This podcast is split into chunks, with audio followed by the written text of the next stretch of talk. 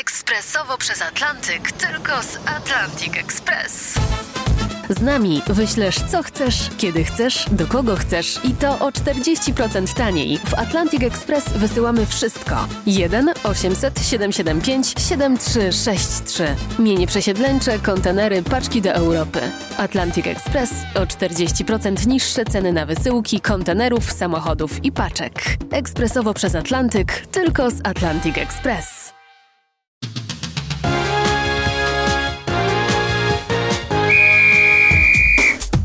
Dzień dobry, przy mikrofonie Paweł Pawłowski, jest 22 lutego. Zapraszam na cotygodniowy magazyn sportowy w RMFFM. A dziś przed nami prezentacja bolidów Formuły 1. Alfa Romeo Racing Orlen pokazała maszynę, którą Antonio Giovinazzi i Kimi Raikkonen będą ścigać się w tym sezonie. Maszynę testował będzie rezerwowy kierowca zespołu Robert Kubica. Polscy koszykarze jadą na Eurobasket. Biało-czerwoni przegrali z Hiszpanią, wygrali z Rumunią, a pozostałe rozstrzygnięcia w gliwickiej bańce pomogły im dostać się na Mistrzostwa Europy. Tymczasem Polski Związek Koszykówki przedłużył współpracę z Energą. O tym, jakie korzyści będzie miał z tego polski basket, zapytam prezesa Polskiego Związku Koszykówki. Za nami także Australian Open, przed nami turniej w Adelaide i Montpellier z udziałem Polaków Igi Świątek oraz Huberta Hurkacza. O tenisie porozmawiam z redaktorem naczelnym tenis klubu Adamem Romerem. Na koniec pojawi się jeszcze Kuba Przygoński, który zostanie nianią. Posłuchajcie.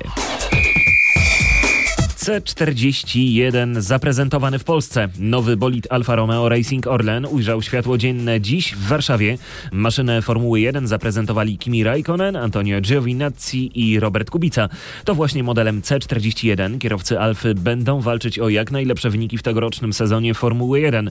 Oddajmy zatem głos Patrykowi Cerwańskiemu, który o nowej maszynie rozmawiał z rezerwowym kierowcą Alfa Romeo Racing Orlen, Robertem Kubicą. Robert, dzień prezentacji nowego bolidu to jest coś, na co czekają kibice, fani Formuły 1, a czy to jest też y, dzień specjalny z punktu widzenia kierowców? No przecież wy wiecie, jak to będzie wszystko przebiegać, wiecie, jak ten bolid wygląda, braliście udział w tych pracach, ale na ile to jest istotna sprawa? E, po pierwsze jest to jakby e, koniec pewnej fazy, która jest bardzo ważna może nie tylko dla kierowcy, ale szczególnie dla e, zespołu. Jednak e, e, kilkanaście miesięcy pracy, e, kilkuset e, ludzi, e, członków zespołu, których na co dzień w telewizji nie widać, e, a nawet czasami ponad tysiąc osób, które pracują, e, jest jakby e, zakończeniem pewnego cyklu, tak? E, tego wyścigu, którego tak naprawdę kibice Formuły 1 nie widzą, który jest na co dzień w fabrykach.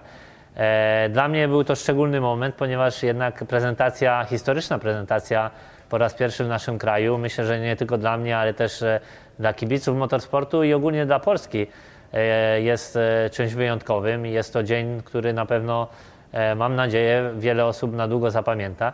I jakby nie było, Polska jest jakby na mapie, e, światowej mapie e, krajów, które gościła prezentację bolidów Formuły 1, zespołu Formuły 1. E, no i myślę, że jest to moment, który e, sporo da, nie tylko właśnie naszemu zespołowi, e, który zapamięta na, na, na, długo, ale e, kibicom i może zaszczepi też e, nowych kibiców w Polsce. Kiedy my, my kibice, patrzymy na, na bolid na początku, oczywiście obserwujemy tylko to, jak on wygląda, barwy, kształt. To oczywiście nie jest najważniejsza sprawa, chociaż aerodynamika, czyli ten kształt gdzieś oczywiście rolę odgrywa, ale czy dla ciebie sam wizualny jakby aspekt bolidu odgrywa jakąś rolę? Czy miałeś w trakcie kariery takie bolidy, że wsiadałeś z większą przyjemnością, dlatego że on po prostu ci się bardziej podobał, mówiąc już tak absolutnie kolokwialnie? E, Jest tak, e, a wiadomo, wizuali- wizualizacja jakby, e, można powiedzieć, e, jest na pierwszy rzut oka, e, można, e, może bolić się podobać, ale nie, ale tak naprawdę jestem kierowcą. Kierowca e, czuje, tak? Czyli jak jeździsz, to tak naprawdę to o to chodzi. W kokpicie e, na zewnątrz bolid e, wygląda, każdy bolid wygląda tak samo, ponieważ tak naprawdę nie widzisz barw, nie widzisz kształ- kształtów, a to, co czujesz, to, co czujesz jest najważniejsze. Z drugiej strony, jakby nie było, e, miejmy nadzieję, że ten bolid będzie przynajmniej w połowie tak szybki, jak, jak e, piękny e, i będziemy w, naprawdę w dobrym miejscu. Także myślę, że zawsze to jest mieszanka, tak? Myślę, że bolid biało-czerwony w, naszych narodowych barwach jest to szczególne i bardzo się cieszę, że mam taką szansę prowadzić nie tylko bolid Formuły 1, ale jeszcze w, w naszych barwach z logotypem PKN Orlen.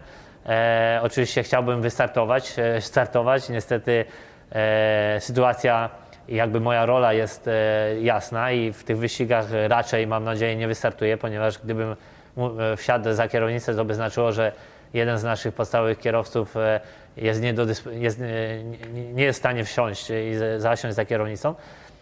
Ale tak mówię, tak naprawdę bolid musi szybko jeździć, a niekoniecznie wygląd idzie w, w parze e, z szybkością. Miejmy nadzieję, że ten będzie e, tak szybki, jak i jest piękny. Twoi koledzy, z którymi rozmawialiśmy wcześniej, i Kimi Raikkonen i Antonio Giovinazzi podkreślali, że właściwie no, oglądamy dzisiaj już ten bolid w pełnej krasie, ale to, jak on będzie szybki, czy będzie konkurencyjny, na to pytanie dzisiaj nie jesteśmy w stanie odpowiedzieć. Więc z jednej strony, tak jak mówisz, zakończono pewien etap przygotowań do sezonu, ale z drugiej to cały czas jest duży znak zapytania, bo właściwie ciężko powiedzieć, na co ten bolid stać. Czyli musimy poczekać na testy, na być może pierwsze wyścigi, żeby móc go jakoś uszeregować w kontekście konkurencji. Tak, dokładnie. E, sam fakt może e, to, jak szybki będzie, jesteśmy w stanie jakby e, wyliczyć, tak? I z symulacji, z symulatora, e, także e, to jesteśmy w stanie jakby się dowiedzieć. Czego nie jesteśmy w stanie się dowiedzieć i nie mamy tej wiedzy, to jak nasza konkurencja się poprawiła, w jakim kierunku poszli, jaki postęp zrobili, bo tak naprawdę nie jeździsz przeciwko czasom okrążeń, tylko jeździsz przeciwko konkurencji. Oczywiście, jeśli Twoje czasy okrążeń względem nich są lepsze, to automatycznie idziesz wyżej ale tak naprawdę e, w zimie jesteś tylko jakby e, skazany na swoją pracę, tak? I e, jest ten zawsze dreszczyk emocji, ale też niewiadoma, która dopiero tak naprawdę w pierwszy dzień, w drugi dzień, w trzeci dzień testów, ale też nawet nie do końca jest rozwiązana, czyli to, jak sobie radzisz względem konkurencji, ponieważ to właśnie przeciwko rywalom się ścigasz. I na pewno pierwsze dwa, trzy wyścigi będą bardzo ważne, żeby zobaczyć, w jakiej sytuacji jesteś, w jakiej grupie, jak, jak daleko na przykład inne zespoły są, e, czy wykonałeś swoją pracę tak, jak e, miałeś nadzieję, tak oczekiwałeś, ale też będą bardzo ważne, ponieważ e, ten rok będzie szczególny, ponieważ e, na przyszły rok, na 2022 jest spora zmiana regulaminowa. Tak naprawdę bolidy będą wyglądać zupełnie inaczej, będzie zupełnie inny e, regulamin techniczny. I w tym roku będzie trzeba pracować nad rozwijaniem tego bolidu, który dzisiaj był zaprezentowany w Warszawie, ale też już zaczęły się prace e, nad bolidem na następny sezon, który tak naprawdę każdy zespół zaczyna od zera i z bardzo małą wiedzą, ponieważ regulamin jest zupełnie inny. No i właśnie, to jest bardzo ciekawe pytanie, bo zawsze ten rozwój w trakcie, e, w trakcie roku konkretnego bolidu, no to, to było niebo a ziemia. W przypadku każdego zespołu, z jakiego by się nie zaczynało poziomu. Teraz pytanie, biorąc pod uwagę to, o czym powiedziałeś, czy uważasz, że większość teamów postawi jednak bardziej na, na, na model już y, przyszłoroczny, a ten będzie stosunkowo mniej rozwijany, jednak no bo przecież tych, no, że tak powiem, roboczo godzin, liczba ludzi jest jednak ograniczona, tak. chociaż jest ogromna. Tak, to jest bardzo dobre pytanie, ponieważ y, pokazuje tak naprawdę e, trudny element, w którym zespoły Formuły 1 się znalazły. Nie tylko, e, nie tylko jeśli chodzi o pracę nad dwoma projektami, projektami, ale tak naprawdę o nowe zasady i nowe ograniczenia Formuły 1, e, które są związane z budżetem, e, czyli Twoje zasoby, które masz, musisz podzielić. E, w momencie, kiedy myślę, że e, na początku będzie to płynna sytuacja i każdy zespół oczywiście ma swój plan, ale na pewno na początku sezonu e, każdy zespół będzie starał się e, pokazać jak najlepszej, z najlepszej strony w danym Grand Prix, ale w momencie, kiedy zespół zobaczy, że ma sporą stratę, że nic nie ma w cudzysłowie do ugrania, tak? że są, jest w trudnej sytuacji, to automatycznie myślę, że dużo wcześniej niż na przykład konkurencja, która walczy ze sobą o ważne pozycje, zmieni właśnie kierunek i jakby zasoby pójdą w dużo większym procencie na następny sezon. I to może im na przykład e, postawić w lepszej sytuacji. Z drugiej strony, jeśli będą zespoły, które będą walczyć do końca sezonu o, e, o lokatę, o mm, końcową klasyfikację, e, one będą miały utrudnione zadanie i ta decyzja jakby poddania w cudzysłowie rozwoju tegorocznego bolidu będzie dużo trudniejsza, ponieważ masz coś więcej do ugrania. Dlatego myślę, że E, oczywiście zespoły zaczynają ze swoim planem, e, jakby z planem rozwojowym tego bolidu i planem jakby konstrukcji e, i, i prac nad e, bolidem z następnego sezonu, ale ten plan będzie na pewno się sporo zmieniał i e, dużo będzie po prostu zależało od tego, w jakiej kondycji i w jakiej sytuacji dany zespół będzie się e, znalazł w danym Grand Prix, ale też czy będzie miał, będzie w stanie zawalczyć z innymi zespołami. No, ważnym zasobem jest czas, to jest też kluczowa sprawa i zastanawiam się, bo 23 wyścigi zaplanowane na ten rok. Głównym problemem jest jednak logistyka, podróżowanie, przenoszenie tej wielkiej liczby osób i sprzętu pomiędzy konkretnymi miejscami. Czy myślisz, że dochodzimy już do pewnej granicy możliwości tak naprawdę zespołu Formuły 1? Te 23 wyścigi to już jest gdzieś na, na, na limicie? Na pewno, na pewno e, jeśli chodzi o zasoby, to czas jest bardzo ważny i czasu nie można sobie kupić. E, czas jest taki sam dokładnie dla wszystkich e, i jest to ważny element, szczególnie w dzisiejszych e, czasach, w dzisiejszej sytuacji pandemii, gdzie logistyka też jest sporo utrudniona. Samo wspominałeś, jeździmy po całym świecie. Jest to spora grupa ludzi, która jeździ w całym zespole. E, I jednak nie wszyscy też nawet pochodzą z tego samego kraju. Także e, ogólnie sytuacja jest trudna, e, jeśli chodzi o ludzi, którzy pracują w zespole. Tak? Wiadomo, że z jednej strony jest to sport, z drugiej strony biznes. Zespoły bardzo możliwe, że zarabiają więcej pieniędzy jeżdżąc na większą ilość wyścigów, ale jest gdzieś granica ludzka. Tak? Pamiętajmy, że ludzie, którzy pracują na ten sukces, którzy od e, mechanika po catering, po lekarzy, którzy są na wyścigach, ale też w fabryce, mają swoje rodziny e, i mając im większ, większą liczbę wyścigów, e, tym jest trudniej po prostu. Jest to, jest to trudny temat. Temat, który myślę, ja na przykład byłem fanem mniejszej ilości wyścigów. Jak zaczynałem było 16, 17 i myślałem, że to jest optymalna ilość. Wtedy było więcej testów. E, Teraz tak naprawdę praktycznie w ogóle się nie testuje, co też e, stawia utrudnioną sytuację zespoły. E, Także jest to trudne zadanie. Tak? Z jednej strony jest sport, biznes, z drugiej strony tak naprawdę granica ludzka, która bardzo często myślę zapominamy po prostu o tych ludziach, którzy dają swoje życie mechanikom, oddają swoje życie, ale nie tylko swoje, ale też ludzi, rodziny, które mają i, i miejmy nadzieję, że e, nadal e, będą w stanie po prostu połączyć swoją pasję, swoją pracę z, z obowiązkami rodzinnymi i codzien, codziennością. To, co istotne, m, też pewne łączenie, chodzi mi pracy i pasji, tak to trochę nazwijmy roboczo. Y, Na pewno super rzeczą i dla nas, dla wielu z nas niezrozumiałą pewnie z uwagi na różne kwestie techniczne jest y, Twój udział w pracach nad rozwojem bolidu, ale y, jeżdżenie po torze to jest zupełnie inna sprawa, niezwykle ważna przecież dla, dla, dla Ciebie. Zdecydowałeś się te, w tym roku na tą serię wyścigów długodystansowych. Coś nowego znowu, czyli znowu szukanie też jakichś, rozumiem, nowych bodźców, poznawania trochę innych elementów niby w, w obrębie tego samego, tej samej sprawy, bo nawet tory przecież doskonale Ci będą znane. Gdybyś mógł krótko jeszcze powiedzieć y, na temat y, tej właśnie serii, dlaczego taka decyzja i, i jakie będą to dla Ciebie zmiany? Tak. E, Jeśli chodzi o decyzję, można powiedzieć, tak naprawdę mógłbym mówić pół godziny. E, Trzy najważniejsze punkty to są takie. Ściganie się pojazdem, który dostarcza dużą ilość docisku aerodynamicznego, e, co tak naprawdę w Europie robi się trudne. Dlaczego?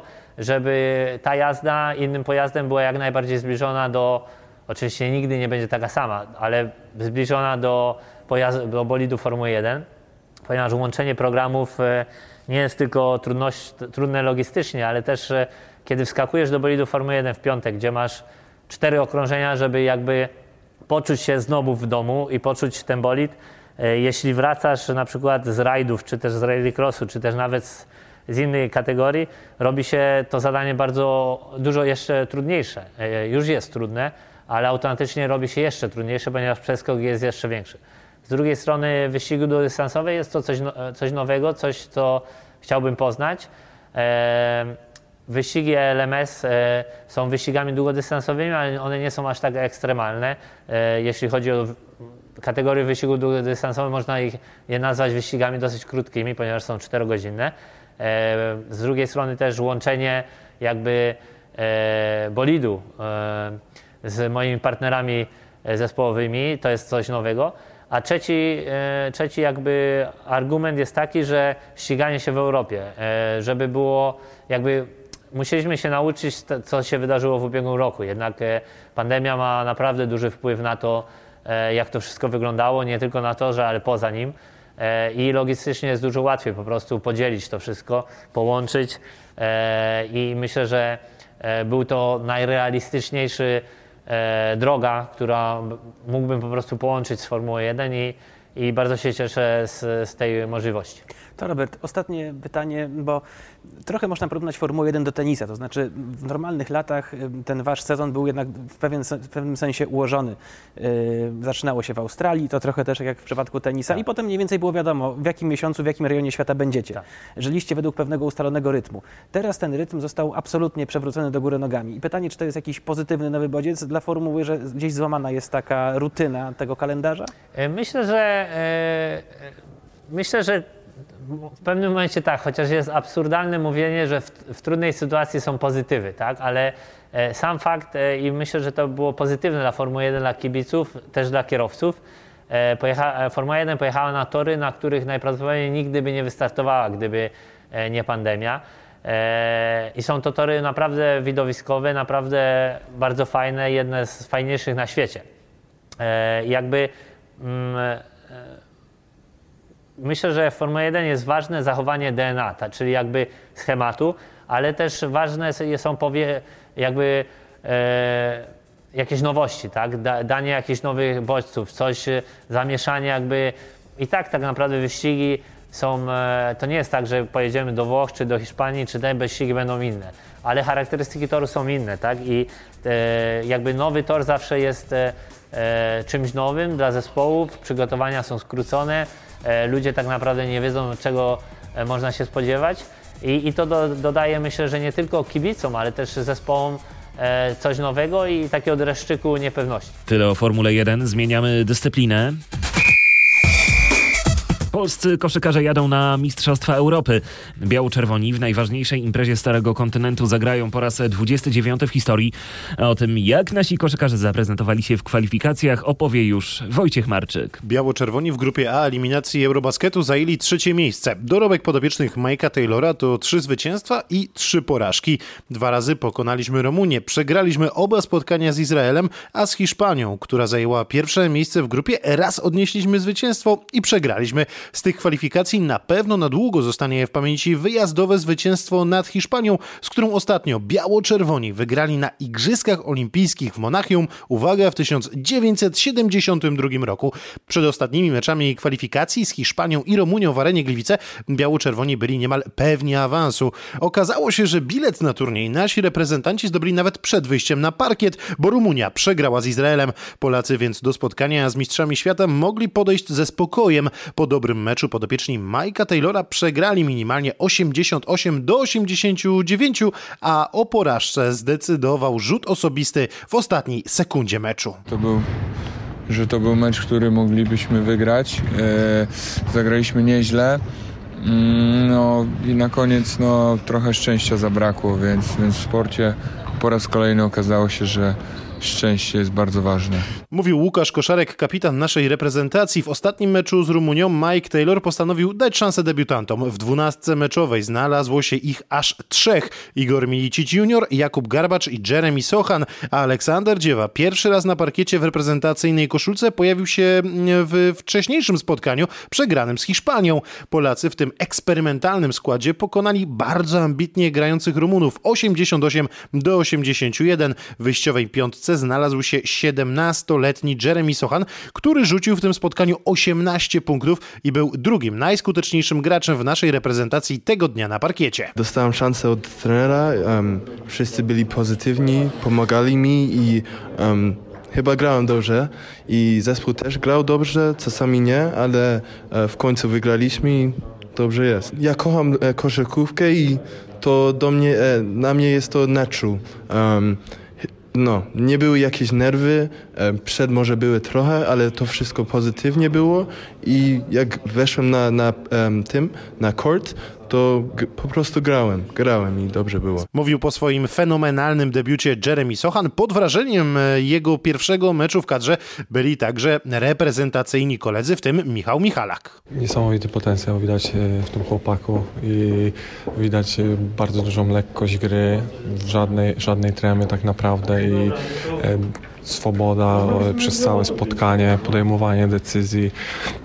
No, pozostaje dalej pracować i tak naprawdę jest na początku swojej kariery, więc że da mu to kopa i dalszą motywację do ciężkiej pracy i może no, to, że będzie z niego pożytek, to wiadomo, no, ale jest na pewno bardzo duży potencjał na, na grę na wysokim poziomie. Innym z debiutantów w tym spotkaniu był kolega klubowy Sochana z Ratio Farm Ulm, czyli Igor Milicic Junior. Czekałem na to praktycznie całe życie, żeby to zrobić i zdobyłem jeszcze dwa punkty, także jestem bardzo zadowolony. Spotkanie z Rumunią kończące kwalifikacje było świetną okazją do zdobycia doświadczenia podkreśla Aleksander Dziewa. Wielka sprawa, no, mecz w reprezentacji Polski, wygrana, e, tutaj jakiś wpływ prawda, na mecz, dużo, dużo, dużo grania dla młodych. Sam zagrałem e, też, też parę fajnych minut, także no, jestem, jestem bardzo zadowolony. Wyglądało to nie najgorzej. Tutaj Rumuni też już nie mieli nic do stracenia, także już praktycznie e, dali wszystko, co mieli. E, mocny, mocny pressing na całym boisku.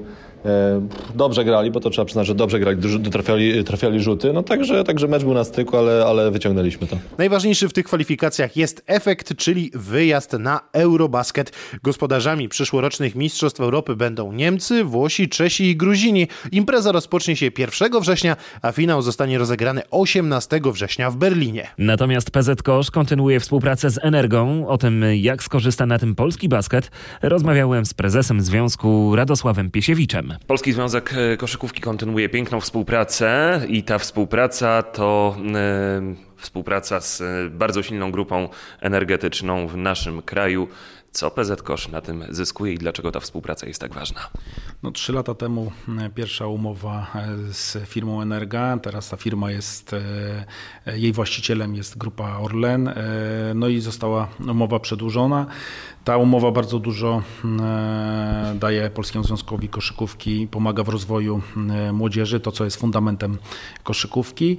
E, na klubu Energa Basket Ligi chociażby pomaga i finansuje sędziów komisarzy, a to jest ponad 2 miliony złotych w skali całego sezonu, więc to pokazuje tą skalę zaangażowania firmy Energa w polski basket. Myślę, że wyzwania przed nami. Dzięki temu wsparciu można powiedzieć, że i ósme miejsce na świecie, trzecie miejsce na e, Mistrzostwach Świata e, w odmianie 3 na 3 e, Firma Energa będzie teraz sponsorem też nadal Energa Basket Ligi, Energa Basket Ligi kobiet, reprezentacji Polski mężczyzn kobiet i dodatkowo jeszcze reprezentacja na wózkach i reprezentacja 3 na 3 Myślę, że ta współpraca układa się wzorcowo i dlatego udało nam się przedłużyć tą e, współpracę o kolejne dwa sezony. Tym bardziej jest to ważne w związku z wyzwaniami, jakie czekają reprezentacje Polski, zwłaszcza mężczyzn, bo 2021 rok jest ważnym rokiem dla tej reprezentacji. Czerwiec, koniec czerwca, początek lipca, e, duże wydarzenie, czyli turniej kwalifikacyjny do Igrzysk e, Olimpijskich na Litwie. No i cóż, mam nadzieję, że wyjdziemy zwycięsko z tego turnieju. Wszyscy zawodnicy będą zdrowi, wszyscy zawodnicy będą do dyspozycji Majka. No i pojedzie najlepsza dwunastka i powalczy o awans. I jeżeli wszystko dobrze pójdzie, no to wracamy e, na Igrzyska Olimpijskie w Tokio. Ale ten turniej na Litwie nie będzie chyba łatwym turniejem, bo tam awansuje jedna drużyna, a przeciwnicy będą naprawdę solidni. Będą solidni, ale trzeba pamiętać, że nasza reprezentacja e, sprawiła bardzo dużą niespodziankę, awansując na Mistrzostwa Świata. Potem ósme miejsce na tych Mistrzostwach Świata, mimo że mało kto e, wskazywał czy stawiał na naszą kadrę. Ja wierzę w e, tą wspaniałą drużynę, wierzę w cały sztab Mike'a Taylora i jego asystentów i mam nadzieję, że sprawią tak samo dobrą i wspaniałą niespodziankę naszym kibicom, dają, dadzą, dadzą dużo radości i e, będzie to kolejny element e, do tego, by ta koszykówka była coraz bardziej e, rozpoznawalna i chętniej oglądana w telewizji. Tyle dzisiaj o koszykówce. Bo za nami Australian Open, otwierający rok turniej wielkoszlemowy nie udał się Kamilowi Majchrzakowi i Hubertowi Hurkaczowi. Iga Świątek natomiast nie podołała Simonie Halep. Wśród panów najlepszy w całym turnieju był Nowak Djokovic, który nie schodzi z australijskiego tronu. O tym, co wydarzyło się w Australii w magazynie sportowym już teraz. Po Australian Open rozmawiamy z Adamem e, Romerem, redaktorem naczelnym, naczelnym e, magazynu Tennis Club. No i jeśli chodzi o Australian Open, to ja mam takie trzy obserwacje. Pierwsza obserwacja, no to jest dość oczywista, tak? Nowak Djokovic y, cały czas wygrywa, on jest zwycięzcą. Druga mm, obserwacja to jest to, że e, ten rosyjski tenis y, coraz mocniej dochodzi do głosu trzech przedstawicieli tej nacji w ćwierćfinale. No i czwarta obserwacja, e, trzecia, przepraszam, jest taka, że no wreszcie mamy chyba trochę normalności w tym tenisie, jeśli chodzi o kibiców na trybunach. Ja na przykład oglądając ten mecz byłem zachwycony, mówię o finale, że w końcu jakieś reakcje kibiców. A co sądzisz o tym właśnie turnieju i tych trzech jakby aspektach? Więc zaczynając może od końca, to jest rzeczywiście wielka zasługa e, Craiga Tilleya, szefa e, Tenis Australia i dyrektora turnieju, że, że to przeprowadził. Tak? Były głosy oczywiście bardzo krytyczne wobec Australijczyków, czy wo wobec Federacji Australijskiej, że, że się decydują na ten krok. Wiadomo było, jak ciężko było to wcześniej wszystko zorganizować. Trzeba było grać kwalifikacje nad Zatoką Perską, potem przywozić zawodników specjalnymi samolotami, potem ta kwarantanna i tak dalej. To wielkie przedsięwzięcie logistyczne. To się udało przeprowadzić i, i trochę te, te, szczególnie te dni finałowe były taką nagrodą za to, bo wreszcie mieliśmy e, wielki tenis, naprawdę z, z niemal pełnymi trybunami. Tam było mniej więcej 80% e, widzów wpuszczanych. Także to bardzo fajnie, to bardzo ważne, bo to też pokazuje, że, że sport jest dla ludzi i e, dla, dla kibiców i że oni chcą oglądać ten sport na żywo. No a jeżeli się ogląda do tego jeszcze takie widowiska, jakie stwarza Nowak Djokovic, bo tutaj przechodzę do, do kolejnego punktu, no to tym bardziej warto tych ludzi wpuszczać, bo moim zdaniem e, Serb zagrał najlepszy mecz w finale. I choć wcześniej dawano spore szanse Miedwiediewowi, to ciekawe, po raz pierwszy chyba e, Djokovic od, od, wielu, wielu lat nie był bitym faworytem w Australii przed finałem. Tymczasem okazuje się, że Serb no, po prostu rządzi e, w Melbourne Park i to jest jego miejsce i można powiedzieć, że zagrał najlepiej jak, e, jak mógł, czy może jak trzeba było, po prostu zdemontował Rosjanina, który, który już chyba gdzieś, wydaje mi się, e, w połowie drugiego seta wiedział, że, że w tym meczu nic dobrego dla niego się nie zdarzy. Także, także to jakby odpowiadając na, na Twoje pytania a propos Nowaka Dżokowicza. Natomiast yy, Jakie było trzecie? O, trzech Rosjan. No rzeczywiście to jest, to jest e, dość zaskakujące, bo przez wiele, wiele lat bywało tak, że mieliśmy Rosjanki w czołówce, tak? Bywały takie turnieje, na przykład turnieje Masters, gdzie e, połowa zawodniczek była z Rosji e, i jakoś wszyscy narzekali, że po Kafilnikowie, po Maracie Safinie nie ma, nie ma kolejnego Rosjanina. Był Dawidienko, ale ten jakoś nigdy nie mógł porwać kibiców za sobą. Natomiast teraz rzeczywiście mamy z jednej strony Miedwiediewa, z drugiej strony Rubliowa. Ci zawodnicy są zupełnie o innym stylu, o innej charakterystyce, więc, więc można powiedzieć dzielą między siebie fanów i, i mogą mogą tutaj jeszcze przez długie lata yy, wygrywać turnieje. Co będzie z Karacewem? Ja nie wiem, bo to jest zawodnik, to jest wielka zagadka. To jest chłopak, który ma 27 lat, który jeszcze niedawno przegrywał y, na futuresach, na tych najmniejszych turniejach. Nagle wystrzelił, teraz y, osiągnął ranking mniej więcej 42. To pozwoli mu grać wielkie turnieje. Czy to się dobrze skończy? Ja tego nie wiem, bo może to się okazać e, zawodnik jednego turnieju, a, a może teraz przez, przez najbliższy rok będzie rzeczywiście grał e, tak jak grał w Australii. Tego nie wiemy, bo, bo to, to jest wielka zagadka, tak? To ja bym, ja bym tutaj nie spekulował, bo, bo można się bardzo pomylić.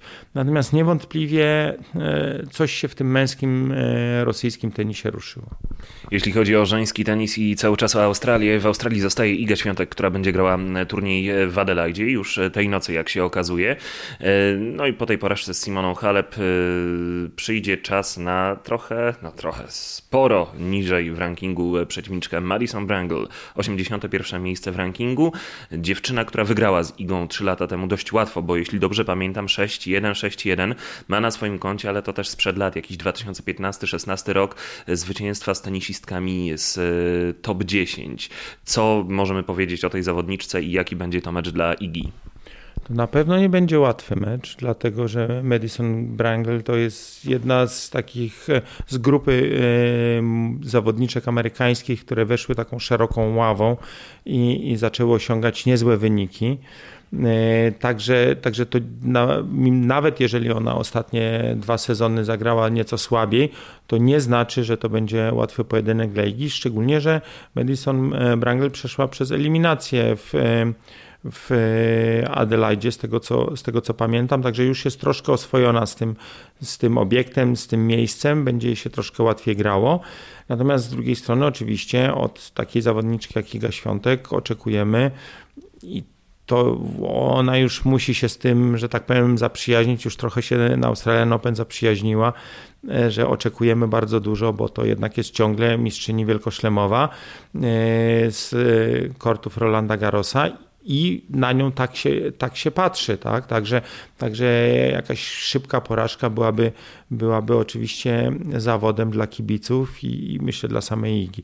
Ale wydaje mi się, że, że powinno, ja liczę mocno na pojedynek ćwierćfinałowy w Adelaide, aż Barty kontra Iga Świątek to jest możliwe, ale do tego jeszcze jest e, daleka droga. Tylko chciałem zapytać o inną rzecz, bo też kierujemy naszą rozmowę nie tylko do ludzi, którzy mają pojęcie o tenisie, ale też e, do takich, którzy ten tenis obserwują właśnie przy okazji głównie turniejów wielkoszlemowych. Mm, czego my powinniśmy po tym zwycięstwie w Rolandzie Garosie teraz oczekiwać po Idze Świątek? Czy wygrywania właśnie turniejów niższej rangi, mm, czy zdobywania punktów do rankingu, czy może jednak celowania w piki formy na te Y, turnieje wielkoszlemowe i tak jakby celowania, że oby doszła jak najwyżej, ale jeszcze cały czas to jest młoda dziewczyna, więc może nie spodziewajmy się po niej zwycięstw. Jak, jak na to patrzeć? Znaczy, przede wszystkim trzeba mieć świadomość, że to jest dziewczyna, tak jak powiedziałeś, która ma niespełna 20 lat. Ona dopiero e, pod koniec maja kończy, kończy 20 lat. Także można powiedzieć, że naprawdę jeszcze niemal cała kariera przed nią. To, że wygrała Rolanda Garrosa, już pokazuje jej potencjał, pokazuje jej możliwości. Z drugiej strony musimy pamiętać, że to nie jest tak, że po wygraniu Wielkiego Szlema teraz e, taka dziewczyna będzie wygrywała wszystko i wszystkie mecze po kolei. Patrzmy na jej ranking. Ona dzisiaj ma ranking 17, czyli można powiedzieć, że występ już 18, tak, tak, rzeczywiście o jedno miejsce się tam obsunęła. E, także występ w Australii był właściwie odpowiadający jej rankingowi, czwarta runda, poza tym porażka z wiceliderką światowego rankingu. Z drugiej strony oczywiście e, jest masę takich głosów, że ten ranking jest troszeczkę inaczej budowany przez pandemię. Tak? Gdyby on był normalny, taki z ostatnich 52 tygodni, wyglądałby zupełnie inaczej i wtedy o dziwo, może nie o dziwo, ale Iga Świątek znalazłaby się na piątym miejscu. Także e, ja bym powiedział tak, no dajmy tej dziewczynie jeszcze czas, tak? Ona, ona będzie na pewno e, przynosiła nam sporo radości, będzie wygrywała mecze, będzie wy, mam nadzieję, będzie wygrywała turnieje i myślę, że za jakieś 2-3 lata bardzo na to liczę i to jest nie tylko moja opinia, powinna dołączyć do Naomi Osaki, o której mówi się, że to będzie teraz ta wielka e, dominatorka kobiecego turu przez najbliższe lata. Liczę na to, że ze swoim stylem gry, ze swoim potencjałem Iga Świątek do niej dołączy, ale tak jak powiedziałem, dajmy jej przynajmniej jeszcze dwa lata na to, by, by w pełni się rozwinęła jako tenisistka. To na, na, koniec jeszcze wróćmy do męskiego tenisa. Hubert Hurkacz, o nim nie można zapominać. Facet utrzymał się w 30 rankingu, teraz weźmie udział w e, turnieju w Montpellier. Tam ma wolny los i od razu w jednej ósmej finału może trafić na Alejandro Dawidowicza Fokinę. Z nim przegrał w US Open w zeszłym roku. I czego tutaj się ewentualnie możemy po Hubercie spodziewać? No to jest właściwie wielka zagadka, dlatego że yy, trochę Hubert nas E, zawodzi, szczególnie w startach wielkoszlemowych. Z czego to wynika? No, oczywiście możemy spekulować, ale nikt nie siedzi ani w jego głowie, ani e, nie uczestniczy w rozmowach z trenerem e, Craigiem Boytonem. Także, także do końca tego nie wiemy. Mówi się, no, są różne oczywiście spekulacje. Mówi się o tym, że Hubert jest troszkę zbyt y, mało aktywny na korcie, zbyt taki mało, za mało pobudzony, za mało, za mało w nim takiej, takiej, y, takiego łobuza tenisowego, tak? Troszkę. Y, może tak jest, może tak nie jest, bo z drugiej strony też przy tym grzecznym, że tak powiem, usposobieniu dotarł jednak do, do pierwszej trzydziestki na świecie. Także ja bym powiedział tak, tutaj też znowu stara tenisowa zasada, że nic nie zmienia się od jednej piłki, nic nie zmienia się od jednego meczu. Także nawet jeżeli Australian Open przyniosło nam rozczarowanie ze strony Huberta Hurkacza, ta porażka w pierwszej rundzie była rzeczywiście z Mikaelem Imerem sporym rozczarowaniem, to nie znaczy od razu, że będziemy na nim, że należy na nim wieszać psy. Oczywiście zostało to ocenione dość krytycznie, ale ten chłopak naprawdę ma potencjał i y, wydaje mi się, że jeszcze w tym roku przyniesie nam e, kilka spektakularnych zwycięstw z tym czy i z innym zawodnikiem z czołówki, bo, bo zawodników, e, umówmy się, gdzieś tam aspirujących do pierwszej setki czy, czy pierwszej pięćdziesiątki powinien raczej pokonywać. To redaktor naczelny tenis klubu Adam Romer. Na koniec ponownie motorsport. Kuba Przygoński odpoczął po Dakarze i szykuje się do kolejnych startów e, w tym roku. Przy okazji postanowił zostać nianią. Już teraz zapraszam na moją rozmowę z polskim rajdowcem. Gościem w RMF FM jest Kuba Przygoński. Powiedz, odpocząłeś po Dakarze? Tak, jestem po y, urlopie. Y, co roku tak naprawdę po Dakarze na ten urlop y, wymarzony jeździmy całą rodziną, więc wróciłem wypoczęty. Opalenizna można powiedzieć, ta z Dakaru się utrzymała i ją przeciągnąłem, więc na pewno z tego bardzo jestem zadowolony i też cała no, moja rodzina. Widziałem w mediach społecznościowych twoje zdjęcia, jak uprawiałeś kitesurfing. To jest jak, jakaś twoja dodatkowa pasja, dodatkowe hobby, czy po prostu y, coś na oderwanie się od rajdów? Czy może to jednak właśnie w rajdach odrobinę pomaga? E, na urlopie to bardziej wszystko jest oderwaniem. Trochę chodziło o to, że lubię po prostu bardzo takie sporty też y, całkowicie naturalne, tak? Czyli na przykład siła wiatru i plus woda, no to, to jest bardzo przyjemne i e, trochę nie ma hałasu, nie ma też jakbyś takiego e, presji wyniku, więc to jest czysty relaks i, i lubię jednak na urlopie zawsze staram się jednak ruszać, bo mi to po prostu też sprawia przyjemność, więc jak nie ma wiatru, to na pewno idę na siłownię, bo, bo jednak jest to dla mnie fajne spędzanie czasu. Będziesz nianią? Yy, będę nianią. Jeszcze dokładnie nie wiem, kto wygrał, ale to był taki pomysł, można powiedzieć, z ostatniej chwili, bo e, troszeczkę za późno się do tego jakby zgłosiłem do, e, do akcji na WOŚP, ale udało się. Jest szczęśliwy wygrany. Gdzieś mi jakieś plotki podpowiadają, że to będą trzy dziewczyny, więc jest to. Wczoraj widziałem zdjęcie, więc jest to wyzwanie, bo jest przedział wiekowy od 4 chyba do 15 lat, więc będzie to ode mnie wymagało. E, większej na pewno y, motywacji, ale na pewno cieszę się, no bo charytatywna e, taka akcja, gdzie pieniądze idą na fajną rzecz, e, no to ja chętnie, a dwie godziny ze mną jako nianią będzie wymagające dla mnie, a dla na pewno uczestniczek fajne. Widzę, że psychicznie odpocząłeś, to w takim razie teraz wróćmy już do sportu. Chciałem zapytać, jak wygląda Twój plan startowy? Czy coś się w tym kalendarzu e, poprzesuwało? Bo chyba z Portugalią są jakieś problemy z tego, co widziałem wczoraj. E, na pewno cały czas jednak e, sytuacja wirusowa niektóre rajdy utrudnia. Niektóre kraje po prostu sobie lepiej z tym radzą, że robi się testy, testy przed wylotem, po przylocie i to wszystko zaczyna działać i tak naprawdę wtedy jest to bezpieczne, ale nie niektórych miejscach jest to dużo trudniejsze, więc ja na razie trochę czekam, e, bo też nie chcę zaplanować czegoś, żeby później było to odwoływane. W tej chwili na pewno mocno przygotowujemy nasz samochód do driftingu, bo na pewno te zawody w Polsce no na 90, pewnie 9% Mistrzostwa Polski będą działały, e, więc, więc tutaj jest mocne, mocny atak, chociaż jeszcze jest zima, więc jeszcze testować za bardzo się nie da driftowo, ale, ale teren na pewno pozwala teraz na, na fajne jeżdżenie po śniegu. No właśnie widziałem zdjęcie przy aucie driftowym e, gotowy do sezonu, tak podpisałeś, ale chciałem zapytać, czy jesteś już gotowy do tego sezonu w e, Pucharze Świata, bo na przykład Władimir Wasiliew widziałem, że już gdzieś w Baja Rasia swoje pierwsze kroki stawiał, a jak to wygląda u Ciebie? W tym roku mamy troszeczkę mniejszy na pewno program startu, więc ten start w Pucharze Świata będzie pod koniec roku. Tak naprawdę dopiero od września e, zaczniemy jeździć, bo e, też trochę czekam na zmiany w regulaminie, które są niezbędne do tego, żeby wybrać dobry samochód, którym będziemy się ścigali na Dakarze, bo, y, bo to jest po prostu niezbędne. Więc y, w tej chwili tą pierwszą połowę roku skupiam się na drifcie, e, na treningach, a drugą część roku na pewno będziemy startowali w zawodach i to jest na pewno cel na ten rok. Wydaje mi się, że to jest też rozsądny plan, bo chodzi o to, żeby, żeby tak ten rok rozłożyć, żeby, żeby jednak do Dakaru być najlepiej przygotowanym, ale żeby jednak nie zmarnować y, niektórych możliwości, które za wcześnie by się zrobiło. Rozumiem. Czy nadal będziesz kontynuował współpracę z Timo? E, Timo wydaje mi się, że tak, chociaż mieliśmy gorące momenty na Dakarze, ale po rozmowach z innymi kierowcami, gdzieś tam później różnych zasłyszanych informacjach i plotkach, no to u nas wcale nie było yy, yy, tak źle. W niektórych zespołach było tak, że po prostu pilot z kierowcą w ogóle już ze sobą nie rozmawiają po Dakarze. E, więc my jesteśmy cały czas w kontakcie. Nie wiem, no nawet wczoraj ze sobą rozmawialiśmy, więc tutaj raczej się nic nie zmienia.